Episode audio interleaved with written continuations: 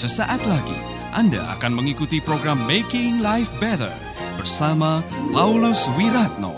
Selama 15 menit ke depan, Anda akan belajar membuat kehidupan lebih baik.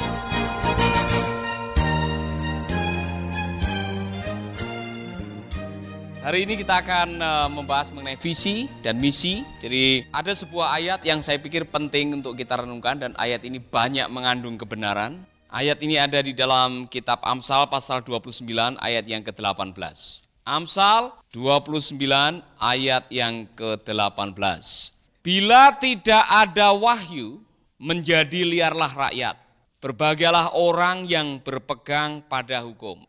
Bila tidak ada wahyu, menjadi liarlah rakyat. Di dalam bahasa Inggris The Message dibilang, if people can't see what God is doing, they stumble all over themselves. Ketika Anda tidak bisa melihat apa yang Tuhan kerjakan, maka orang itu akan kesandung dengan dirinya sendiri. Kalau saudara mendengarkan kata visi, apa yang ada di benak saudara? Kasih tahu saya. Selama ini saudara bilang, wah saya punya visi pak. Apa itu visi? Karena banyak orang yang bingung antara visi dan misi. Ini bukan salah dan benar, tapi soal saudara ngerti atau tidak. Dengar baik-baik, visi adalah how to be, bagaimana menjadi. Misi adalah bagaimana caranya mencapai untuk menjadi, ya kan? Kalau saudara mengatakan, oh saya mau menjadi seorang penyanyi rohani yang bisa memberkati bangsa ini. Caranya bagaimana? Misinya apa? Misi untuk mencapai itu apa? Saya harus latihan tiga kali sehari. Itu misinya, ya kan? Saya harus bisa ikut Indonesian Idol. Saya harus itu misi. Jadi saudara jelas ya antara visi dan misi.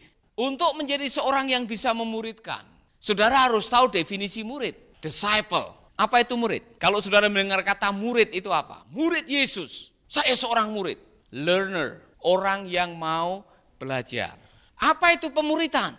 Nah, saya harus menjelaskan ini kepada saudara.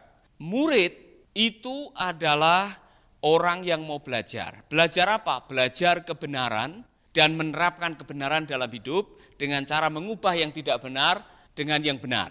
Jadi pemuritan adalah transfer kebenaran lewat kehidupan. Saudara-saudara, selama saudara ada di tempat ini, saudara akan belajar kebenaran lewat hubungan, lewat kehidupan. So, ada seorang yang memberikan terjemahan yang paling mudah. Apa itu discipleship? Discipleship atau pemuritan adalah transfer of truth through relationship. Pemuritan adalah transfer kebenaran lewat hubungan. Kemarin kami, Venus, Minggu dan mungkin ada empat orang yang kita injil secara tidak langsung. Jadi kami mau syuting di uh, Padang Gala. Sebelum syuting kami cari makanan yang murah meriah karena tidak bawa uang, yaitu tipa cantok. Ada orang yang jualan itu setelah cari-cari dan kita duduk di warung itu sambil uh, pesan kopi. Sementara pesan kopi, saya bicara dengan bapak yang jualan tipa cantok ini mengenai hidup.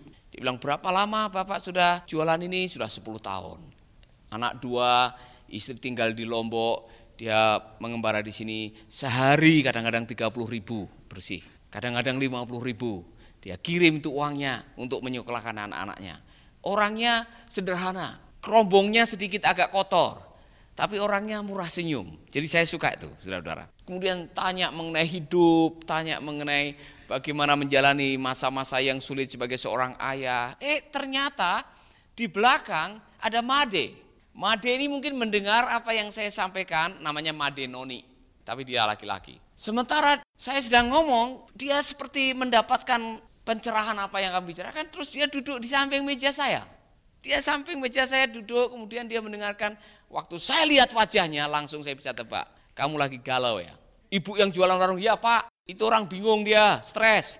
Omong punya omong, akhirnya kenapa kamu kalau sudah tidak kerja tiga tahun, dulu biasa kerja di bengkel sepeda motor, bagaimana kok bisa galau, sering dilecehkan. Saudaranya bertuju bagi warisan, dia tidak diajak ngomong, akhirnya tidak uh, bicara, punya kepahitan. Nah dia punya galau karena punya kepahitan dan sebagainya. Akhirnya saya ujung-ujungnya mengajar dia bagaimana jangan sampai menyimpan kepahitan, apa akibatnya kalau menyimpan kepahitan, harus menemukan tujuan hidup dan sebagainya.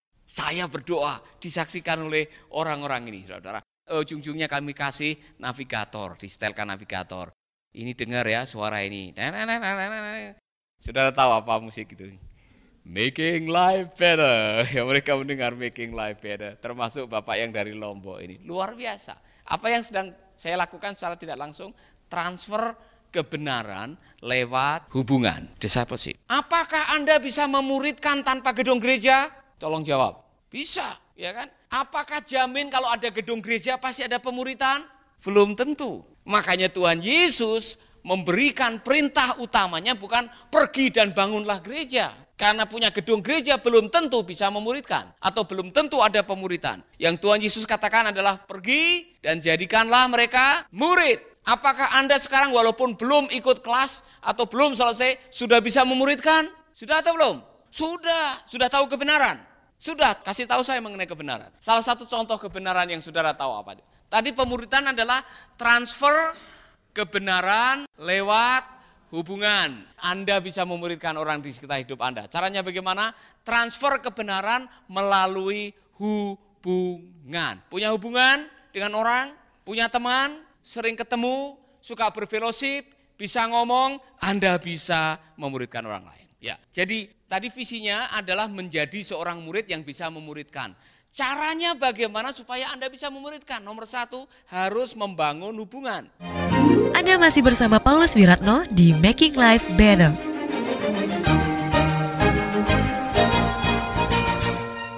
Jadi misinya dalam hidup ini ialah membangun hubungan sebanyak-banyaknya dengan orang yang perlu dimuridkan. Ya kan? Di sekitar kehidupan kita, saudara akan bertemu dengan orang-orang yang perlu dimuridkan. Saudara sendiri masih perlu dimuridkan, saya masih perlu dimuridkan. Oleh karena itu modal Anda adalah nomor satu, pinter membangun hubungan. Berhasil atau tidaknya Anda tergantung dari bagaimana Anda membangun hubungan. Saya sudah mengatakan mungkin seribu kali di sini. Kualitas hidupmu tergantung dari hubunganmu. Semakin pandai berhubungan, semakin hebat saudara-saudara. Semakin banyak kesempatan untuk transfer kebenaran. Amin. Sehingga di mana pun saudara ditempatkan oleh Tuhan, jadi guru PAUD, jadi pengusaha, bisa muridkan. Kalau suatu saat kok akhirnya saudara berhasil diangkat menjadi pendeta itu bonus. Jangan berlomba-lomba jadi pendeta, tapi tidak bisa memuridkan orang. Hanya mau kedudukannya, perpuluhannya, jabatannya, sama beslitnya. Akhirnya kerjaannya begitu-begitu aja, ya kan? Tapi tidak bisa memuridkan. Saya rindu saudara bisa cari income, jadi orang kaya, pengusaha kalau bisa bisa memuridkan, syukur-syukur bisa mengembalakan. Amin. Atau yang perempuan jadi istri gembala, ya kan? Jelas ya? Amin. Tolong kasih tahu saya dari 12 murid Yesus siapa yang punya beslit kependetaan, kasih tahu saya, tunjukkan. Apakah ada? Coba Petrus itu dia denominasinya dari mana? Yohanes? Tidak ada kan?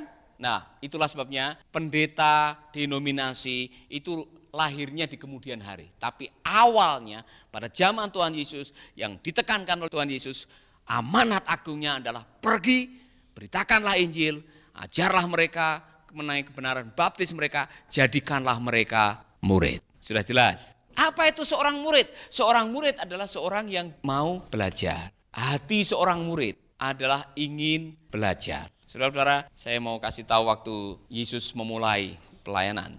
Ada yang menarik sebetulnya. Ada orang-orang yang sengaja didatangi oleh Tuhan Yesus dan Yesus yang memilih mereka. Mengapa Yesus yang memilih? Karena Yesus tidak ingin salah pilih. Walaupun dari antara 12 itu ada satu yang akhirnya mengkhianati dan yang lain juga ikut mengkhianati. Tetapi yang saya mau mengatakan adalah menjadi seorang murid Yesus itu punya tanggung jawab yang luar biasa. Saudara sudah tahu tanggung jawab seorang murid? Yang pertama saudara harus memuridkan orang. Saudara tamat dari sini, saudara punya tanggung jawab memuridkan orang. Jelas ya? Amin. Berapa kalau saudara tamat sudah bisa memuridkan 12 saja seperti Tuhan Yesus, tidak usah banyak-banyak lah. 12 yang saudara muridkan selama hidup, saudara sudah berhasil. Amin. Mengerti ya? Bukan punya jemaat 500 tapi tidak ada muridnya. Mengerti maksudnya?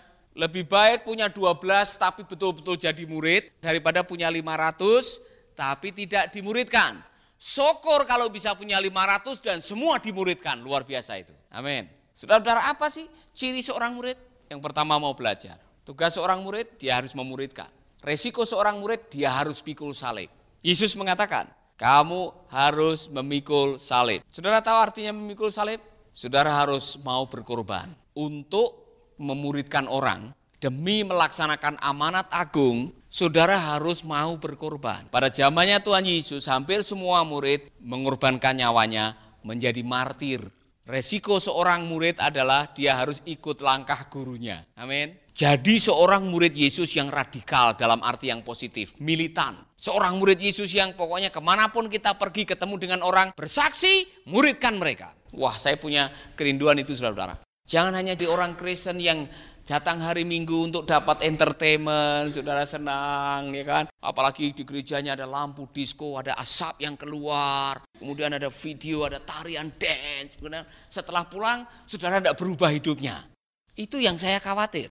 Dan saya membaca majalah Karisma, itu tren gereja masa kini. Tren gereja masa kini begitu senang dengan entertainment karena orang datang, orang sudah suntuk satu minggu bekerja, lelah, capek, ingin entertainment. Makanya khotbahnya jarang mengenai dosa. Khotbahnya jarang mengenai teguran, khotbahnya berkat, berkat, berkat, berkat. Orang tidak menyadari bahwa ada dosa yang harus diakui, ada disiplin yang harus dijalani. Hei saudara-saudara, Gereja adalah untuk orang yang berdosa, yang bertobat dan dimuridkan, kemudian diutus pergi untuk menjangkau dan memuridkan. Gereja yang efektif adalah gereja yang tiap minggu harus ada jiwa baru. Itu bukti bahwa gereja itu bertumbuh. Amin. Apa saudara-saudara? Jiwa baru, bukan transfer. Ya kan? Ada orang yang senangnya bukan Pak. Wah luar biasa Pak. Sebentar lagi gereja itu tutup Pak kami akan kebanjiran jiwa baru. Saya bilang ini bukan jiwa baru. Kalau gereja itu tutup, kemudian orangnya transfer pindah, itu pertumbuhan karena pindah. Pak Rehat Bongke pernah mengatakan 5.000 orang Kristen dari gereja A pindah ke gereja Anda, satu malaikat pun tidak akan bersorak-sorai. Tapi satu orang bertobat, mengenal Yesus, seluruh malaikat di surga bersorak-sorai. Amin. Kalau 5.000 orang pindah dari gereja lain masuk gereja saudara yang bersorak-sorai itu bendahara dan gembalanya. Perpuluhannya naik, ya kan? Nah, saudara-saudara, saya menanamkan ini pada saudara-saudara. Menjadi seorang murid, jalan seorang murid memang tidak gampang. Saudara harus bisa pergi dan mentransferkan kebenaran. Caranya bagaimana supaya bisa pergi? Saudara, Injil itu gratis tapi pergi menuju ke orang yang mau diinjili tidak gratis. Betul? Injil itu gratis. Keselamatan itu gratis. Tetapi untuk memberitakan keselamatan ke Rote, ke Papua, ke Sumatera, itu tidak gratis. Tapi untuk pergi ke sana itu perlu duit. Ya Nah bagaimana saudara bisa pergi menjadi murid? Saudara perlu duit terus terang aja. Kita perlu duit.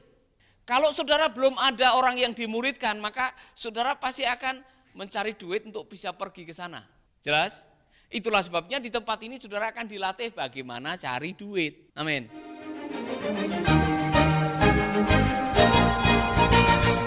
Baru saja Anda mendengarkan Making Life Better bersama Paulus Wiratno. Jika Anda diberkati, kirimkan kesaksian Anda ke Radio Dian Mandiri Jalan Intan LC2 Gang 4 Nomor 1 Denpasar, Bali. Kunjungi website kami di www.pauluswiratno.org, Facebook Paulus Wiratno. Hubungi kami di 081 338 665500 Sekali lagi 081 338 665500 Terima kasih, Tuhan memberkati. Sahabat, Anda baru saja mengikuti program Making Life Better bersama Paulus Wiratno. Terima kasih atas kebersamaan Anda. Tuhan memberkati.